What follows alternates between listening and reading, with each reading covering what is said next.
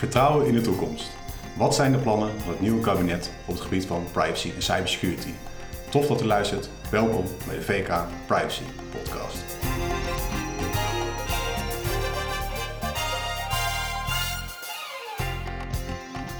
En vandaag in uitzending eh, Leonie Gedding, privacy expert bij VKA. En Steven Debets, cybersecurity specialist bij VK. Welkom allebei. Dankjewel. Dankjewel. Leuk dat jullie er zijn. Ehm, nou, zoals gezegd, uh, privacy security gaat het over hebben. En ehm, om te beginnen bij het eerste, privacy, Leonie. Als jij naar dit regeerakkoord kijkt, als je dit leest, wat, wat valt je op als het gaat om privacy? Nou, het mooie is in ieder geval dat privacy wordt genoemd in het regeerakkoord. Dus het heeft aandacht van uh, het nieuwe team van Rutte. Ik zie in het regeerakkoord veel vernieuwing. Uh, ik zie veel ook uh, nieuwe straffen, maatregelen. maar ik zie ook aandacht voor veiligheid. En dat stemt mij in ieder geval heel positief. Want nou, nou, ja, aandacht is het eerste, dan nog uitvoeren is het tweede, maar dat is natuurlijk met elk plan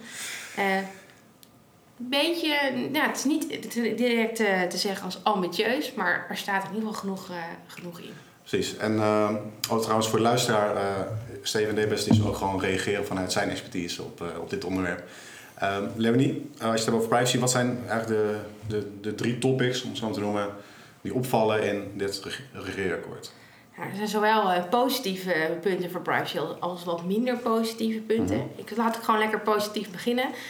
Um, als je kijkt naar wat ze gaan doen qua vernieuwing, uh, nou, regie op eigen gegevens, het neerleggen uh, bij de burger om ook echt uh, grip te hebben op je eigen privacy, dat vind ik al echt iets waar je denkt, nou, daar, dat is een mooi uitgangspunt. Want dat betekent ook dat ze de komende jaren daar aandacht aan gaan besteden. Maar er legt wel heel veel eisen op aan diezelfde burger. Wat ja. moet hij allemaal kunnen en kennen om dat uh, te ja, doen? En daar hebben we gelijk het wat meer kritieke punt van... ja, wat kan je eigenlijk verwachten van die, van die burger? Uh, is hij al genoeg opgevoed om te begrijpen wat er nou... Um, wat, zijn nou, uh, wat is de ethiek ja. op dit gebied? Ja. En in hoeverre moet er gewoon wetregelgeving komen om die burger ook te beschermen tegen... Ja, ja. en welke rol speelt de overheid in? Ja, dat is hetgene wat ik daarin mis. Uh, in het regeerakkoord. Ja. Dus burgers moeten onderling meer hun privacy gaan beschermen. Dat noemen ze ook wel horizontale privacy. Dan denk ik, ja, we hebben zo'n prachtige autoriteit. Begin daar dan mee. En dan laten burgers dat goede voorbeeld uh, volgen. volgen. Uh, maar het woord autoriteit persoonsgegevens kwam helaas niet voor in het regeerakkoord. Um, maar toch is het wel goed dat die regie um, bij de burgers ook gelegd wordt van ja. je mag straks gaan beslissen over uh, of je bepaalde, hè, de kerk is een voorbeeld. Um, uh, nou, er komen nieuwe regels voor, de standaardregeling, uh, dat, dat er gegevens gedeeld worden, dat komt te vervallen. Nieuwe instellingen moeten aan de nieuwe regels voldoen en er komt een overgangsregeling. Dus dat geeft al iets. Kijk ook naar de nieuwe betaalwetgeving die in november van kracht wordt. Uh, waar banken uh, verplicht worden de betalingsgegevens van uh, hun cliënteel te delen met, met verwerkers van informatie. maar alleen nadat er toestemming gegeven is door de individuele klant zelf. Ben ik wel heel benieuwd of die toestemming echt expliciet gevraagd wordt. Of dat je ooit ergens in een appje een vinkje gaat zetten naar 36 pagina's algemene voorwaarden. Waarin ook stond dat je die informatie wilde delen. Ja. ja de PD2, uh, PC2-richtlijn uh, ja. waarin... Ja, uh, exact. Um, dat is interessant hoe, hoe dat zich verhoudt tot, uh, tot de prijswetgeving. Maar ik denk dat dat voor nu even een onderwerp is dat uh, te ja, ver rijdt. Maar het is ook wel iets wat, uh, wat wel een, een, een, connectie heeft met wat er nog meer in het regeerakkoord staat. Onder andere het uitwisselen, eigenlijk is uitwisselen op zich een thema in het regeerakkoord. Ja. uitwisselen van reizigersdata. Uh, om meer efficiënt gebruik te maken van die gegevens die er al liggen. Effectiever uh, daar gebruik te maken. Wordt uh, er van alles gekoppeld en geanalyseerd. Nou, mooi.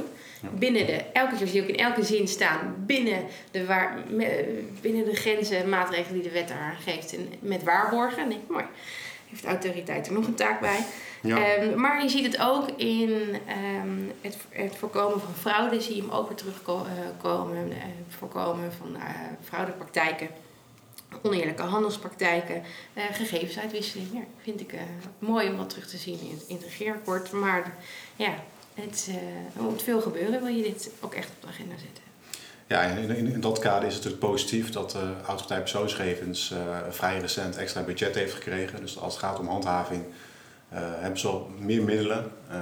waarschijnlijk zullen ze zelf zeggen dat het nog niet voldoende is. En ik denk als je deze ambitieuze programma ziet, dat het ook wel, nou, dat ze behoorlijk wat werk... Ja ja, maar ook als je het in de tijd bekijkt, hè, als je het vorige regeerakkoord bekijkt, er stonden er twee kleine paragrafen. Mhm. En nu zie je dat er al significant veel meer aandacht. Hè. Ik vond vorige keer al positief dat gewoon informatieveiligheid en privacy benoemd werden. Ja. En daarmee worden het toch maatschappelijke thema's.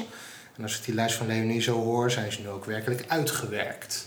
En met meer visie en meer aandacht. Ja.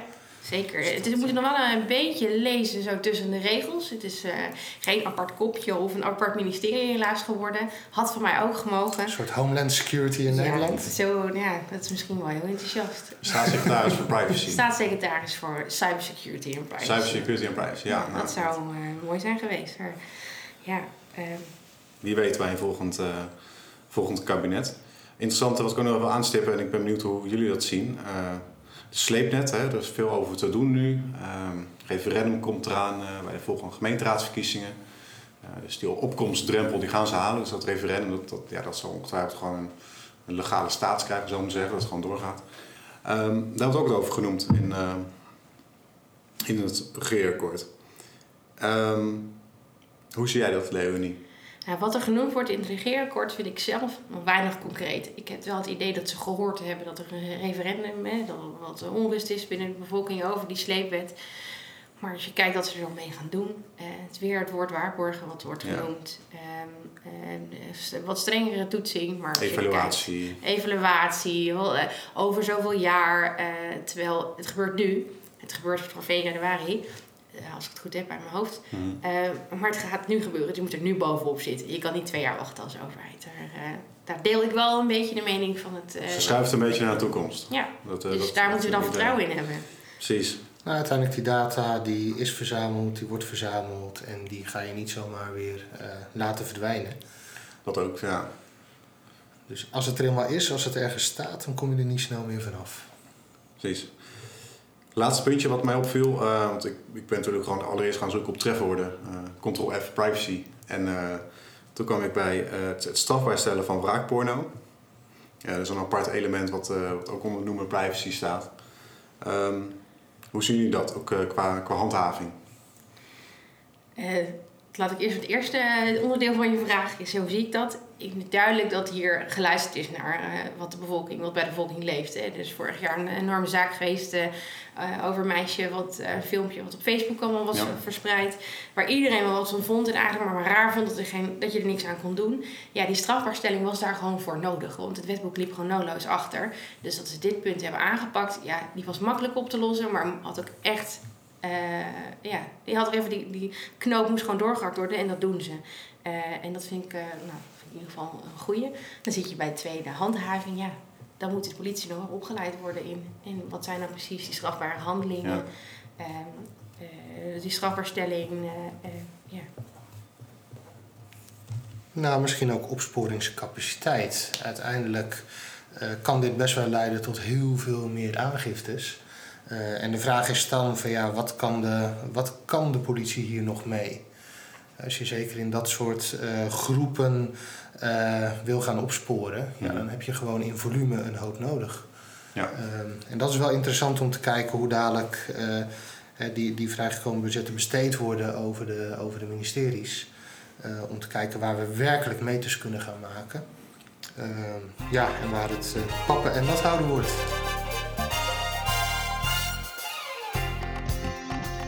Nou ja, dan komen we een beetje op, op jouw terrein, uh, Steven. Ik denk dat uh, hier toch een blij man staat als ik lees dat er 95 miljoen euro wordt gereserveerd voor cybersecurity. Is, is volgens mij een, een nieuw ding. De, deze mate van aandacht voor een onderwerp wat eigenlijk al jaren belangrijk is. waar je ziet dat maatschappelijke aandacht heel groot is. Hè. Er gaat geen dag voorbij of je kan de krant niet openslaan en er is dan wel weer ergens een hack geweest, een datalek of, of iets wat met cybersecurity uh, te maken heeft. Uh, ik merk dat ook bij de, bij de klanten waar ik kom. Uh, iedereen is toch wel heel serieus bezig met het bepalen van ja, wat is nou precies dat dreigingsbeeld voor mijn organisatie? Waar moet ik mij nou zorgen om maken? Is dat een vreemde mogendheid die, die achter mijn gegevens aan zit? Of is dat een actieve burger die het niet eens is met mijn beleid? En dat uit door mijn website te verzieken of, of dergelijke andere activiteiten. dus ik vind puur de aandacht die er uit die 95 miljoen spreekt ontzettend goed. Daar gebeuren ook denk ik een aantal hele goede dingen. Het Nationaal Cybersecurity Center die ondersteunt toch een groot deel van de Nederlandse maatschappij als er echt wat fout gaat in uh, wat ze noemen emergency response. Hè. Wat, hoe moeten we nou acteren als, als het echt een keertje fout gaat? Nou, dat vangnet hebben we nodig en dat daar veel meer capaciteit naartoe gaat, vind ik volledig terecht. Uh, voorlichting cyberhygiëne wordt. Mooi woord, cyberhygiëne. Het, het, is een heel mooi woord. Ik kan me ook privacyhygiëne uh, voorstellen. Ik zie wel een soort één op één met het uh, parallel met het verhaal van Leonie. Ehm, omdat je ziet, we, we doen iets op bedrijfsniveau, we doen iets op strafrechtniveau en we doen iets op burgerniveau. Volgens mij hebben ze die stukjes wel naast mm. elkaar gehouden. Ja. en richting de burgers heeft men toch de ambitie om cyberhygiëne op, op orde te gaan brengen. Uh, ja, en ik vertaal dat zelf in, in, in een heel stuk voorlichting. Zeg ze zelf ook, hè? Voorlichtingscampagnes, ja. dat, dat zit er licht in de planning. Wat volgens mij heel effectief is, is wat, uh, wat de banken nu doen. Hè? Uh, die die anti-phishing mail reclames met die, met die brede kerel die, die in een sportzaal mensen traint om de horen op, op de haak te gooien als ze gebeld worden door een En je hoort hem eh, nu ook al op de radio, hè, dat uh, reclame stemmetje met van ik blijf het toch zeggen. Ja, exact. met reclame van die foto die jou, denk eens aan die foto waar je absoluut niet wil dat die in vreemde handen komt te vallen. Ja. ja. doe er dan iets mee. Dus daar, die visie is er al en ik vind het mooi dat ze die, die doorpakken. Maar 95 miljoen is best concreet, want waar haal je dat bedrag vandaan? Het is niet 100, het is niet 200, maar 95. Ja. ja. Nou, wat dat betreft is aardig, uh, misschien Steven ook uh, om jou voor te houden, de, het, het, ambitieuze cybersecurity agenda, zoals we dat noemen in het uh, regeerakkoord. En dan noemen ze een aantal redelijk concrete dingen. Allereerst de standaarden voor Internet of Things apparaten. Ja, wat je op dit moment ziet is dat in bepaalde sectoren er hele goede standaarden zijn op dit, op dit gebied. Internet of Things gaat betekenen dat eigenlijk ieder apparaatje wat jij op je persoon hebt, je telefoon, je horloge, uh, de je koelkast, je slimme koelkast. De, de, de, apparatuur die je in je huis hebt, de apparatuur die in je kantoor hangt of in de fabriekshal of waar dan ook. Alles is op internet aangesloten. Alles kijkt wat er gebeurt in zijn omgeving en al die data wordt verzameld. Dus potentieel zou Leonie hier ontzettend veel kippenvel van, van moeten krijgen. qua privacygevoeligheid is het natuurlijk zeer hoog op enig moment zie je een soort 1984-achtige gedachte voor je dat de overheid of, of privéorganisaties op ieder moment kunnen zien waar jij bent, wat je doet, met welke intensiteit je dat doet enzovoort.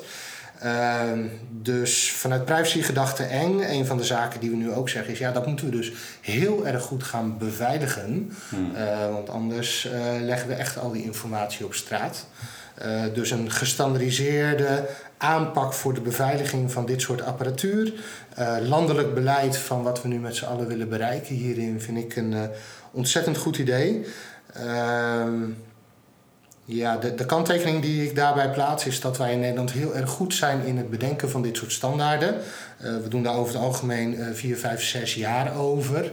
Ehm, terwijl die ontwikkeling nu plaatsvindt. Als je kijkt naar de telefoon die je in je zak hebt, uh, dat die over zes maanden eigenlijk alweer verouderd is en er iets op de markt is met, met veel meer technologie en veel meer mogelijkheden, dan kan je op dit soort standaarden niet zes jaar gaan wachten. Dus daar is de call echt van jongens, laten we nu aan de slag gaan.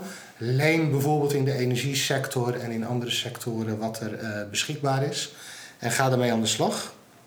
Ik wil er nog wel eentje, Ja, ik denk dat jij naar de softwareaansprakelijkheid uh, wil. Ja, want dat is eentje die ik wel heel bijzonder vind. En daar heeft Leni ook ongetwijfeld een mening over. ik vond die wel heel bijzonder. Er zijn heel veel bedrijven in Nederland die hun boterham verdienen met het uh, maken van software. Uh, ik zie dat het niet echt uh, in depth is toegelicht in het regeerakkoord. Nee. Maar wat willen we nou bereiken met softwareaansprakelijkheid? Uh, ieder stukje schade, verhalen, wat je kan leiden op basis van een beveiligingsincident. ja. Nou, dan gaan we de economie op zich creëren. En ik denk de meeste softwareleveranciers failliet maken in, in Nederland. dus ik ben A, heel erg benieuwd naar de toelichting hierop.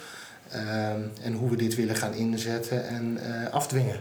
Ja. En die mening deel ik helemaal. Als je kijkt naar aansprakelijkheid, is vanuit een angst uh, een visie neerleggen. Dus je moet software veiliger maken door bang te maken voor de gevolgen die het financieel heeft. Want aansprakelijkheid gaat nou uiteindelijk over geld en, en verantwoordelijkheid. Dus ik ben, ik ben ook heel benieuwd naar die uitwerking. Um, ja. Het leuke is, uh, er zijn in Nederland twee standaarden op het gebied van veilig software ontwikkelen. Uh, een van die standaarden is een private standaard en eentje is ontwikkeld door het uh, CIP, het Centrum voor Informatiebeveiliging en Privacy, wat uh, ondersteund wordt vanuit het UWV. en het CIP heeft een Secure Software Development raamwerk gecreëerd. Okay. Je kan, van, kan, vanuit de positieve gedachte niet straffen, maar stimuleren. Ja. Zeggen van nou, ik wil van iedere sector horen of van ieder bedrijf horen hoe zij invulling gaan geven aan zo'n secure software development raamwerk. Ik ken het raamwerk, dat is redelijk generiek. Uh, dus iedereen kan daar wel zijn eigen draai in vinden. Uh, en dan ga je meer als overheid helpen zaken veiliger te maken. In plaats van, uh, ja, we hebben het over uh, heel veel miljoenen boetes bij, bij privacy. Uh, maar als je iedere softwarebug qua aansprakelijkheid gaat afkaarten, dan worden de bedragen denk ik nog veel groter. Ja, dan worden alleen de juristen heel blij, maar niet uiteindelijk de mensen die gebruik maken van die software. En daar gaat het ja. om.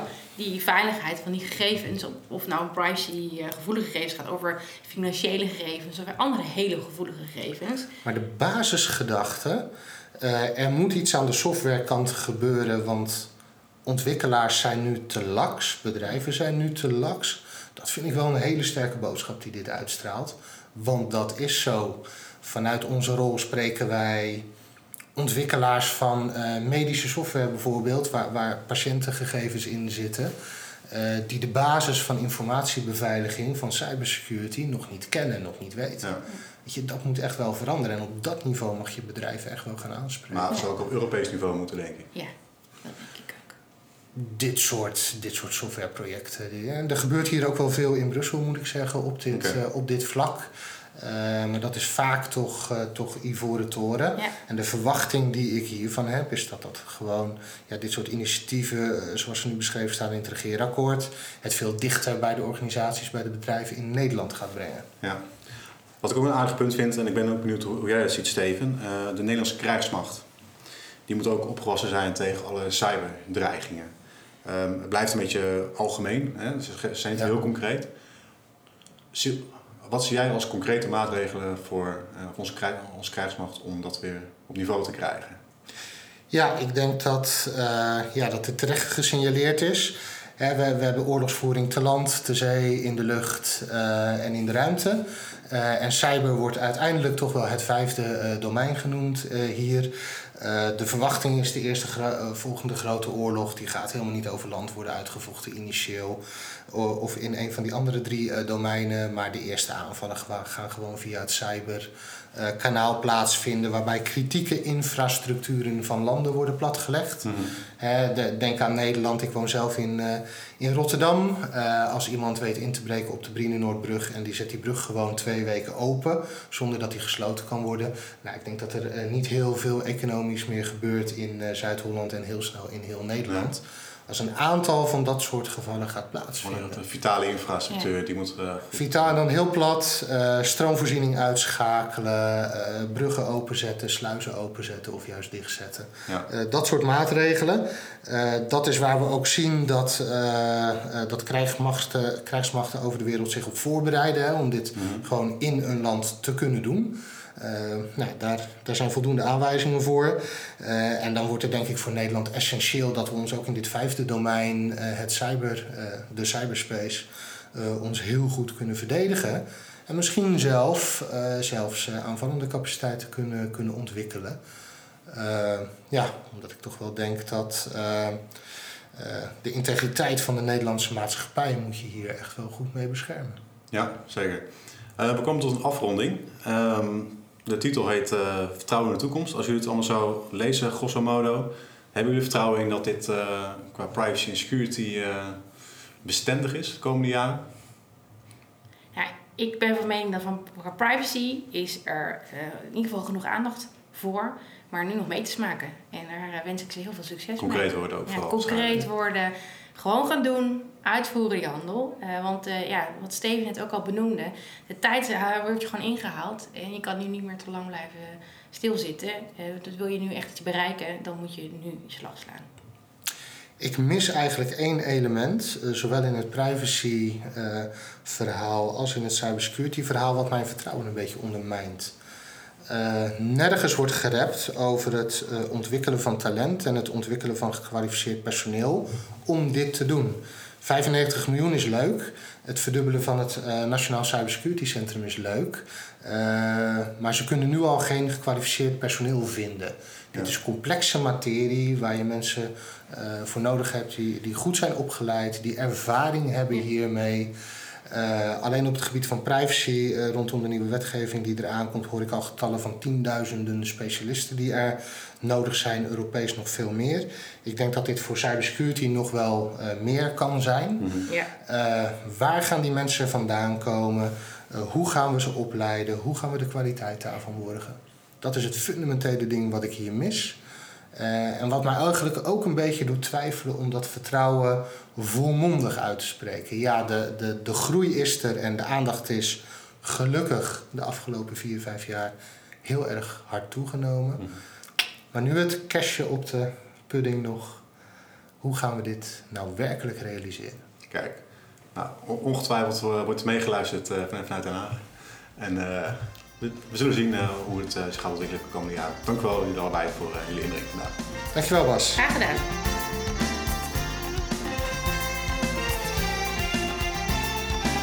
En hiermee zijn we gekomen aan het einde van deze podcast. Fijn dat u geluisterd heeft. In de show notes hebben wij een documentje met de belangrijkste maatregelen van Rutte 3 op het gebied van privacy en cybersecurity. Als u vragen heeft of suggesties voor onze podcast, stuur gerust een mailtje naar privacy.vk.nl.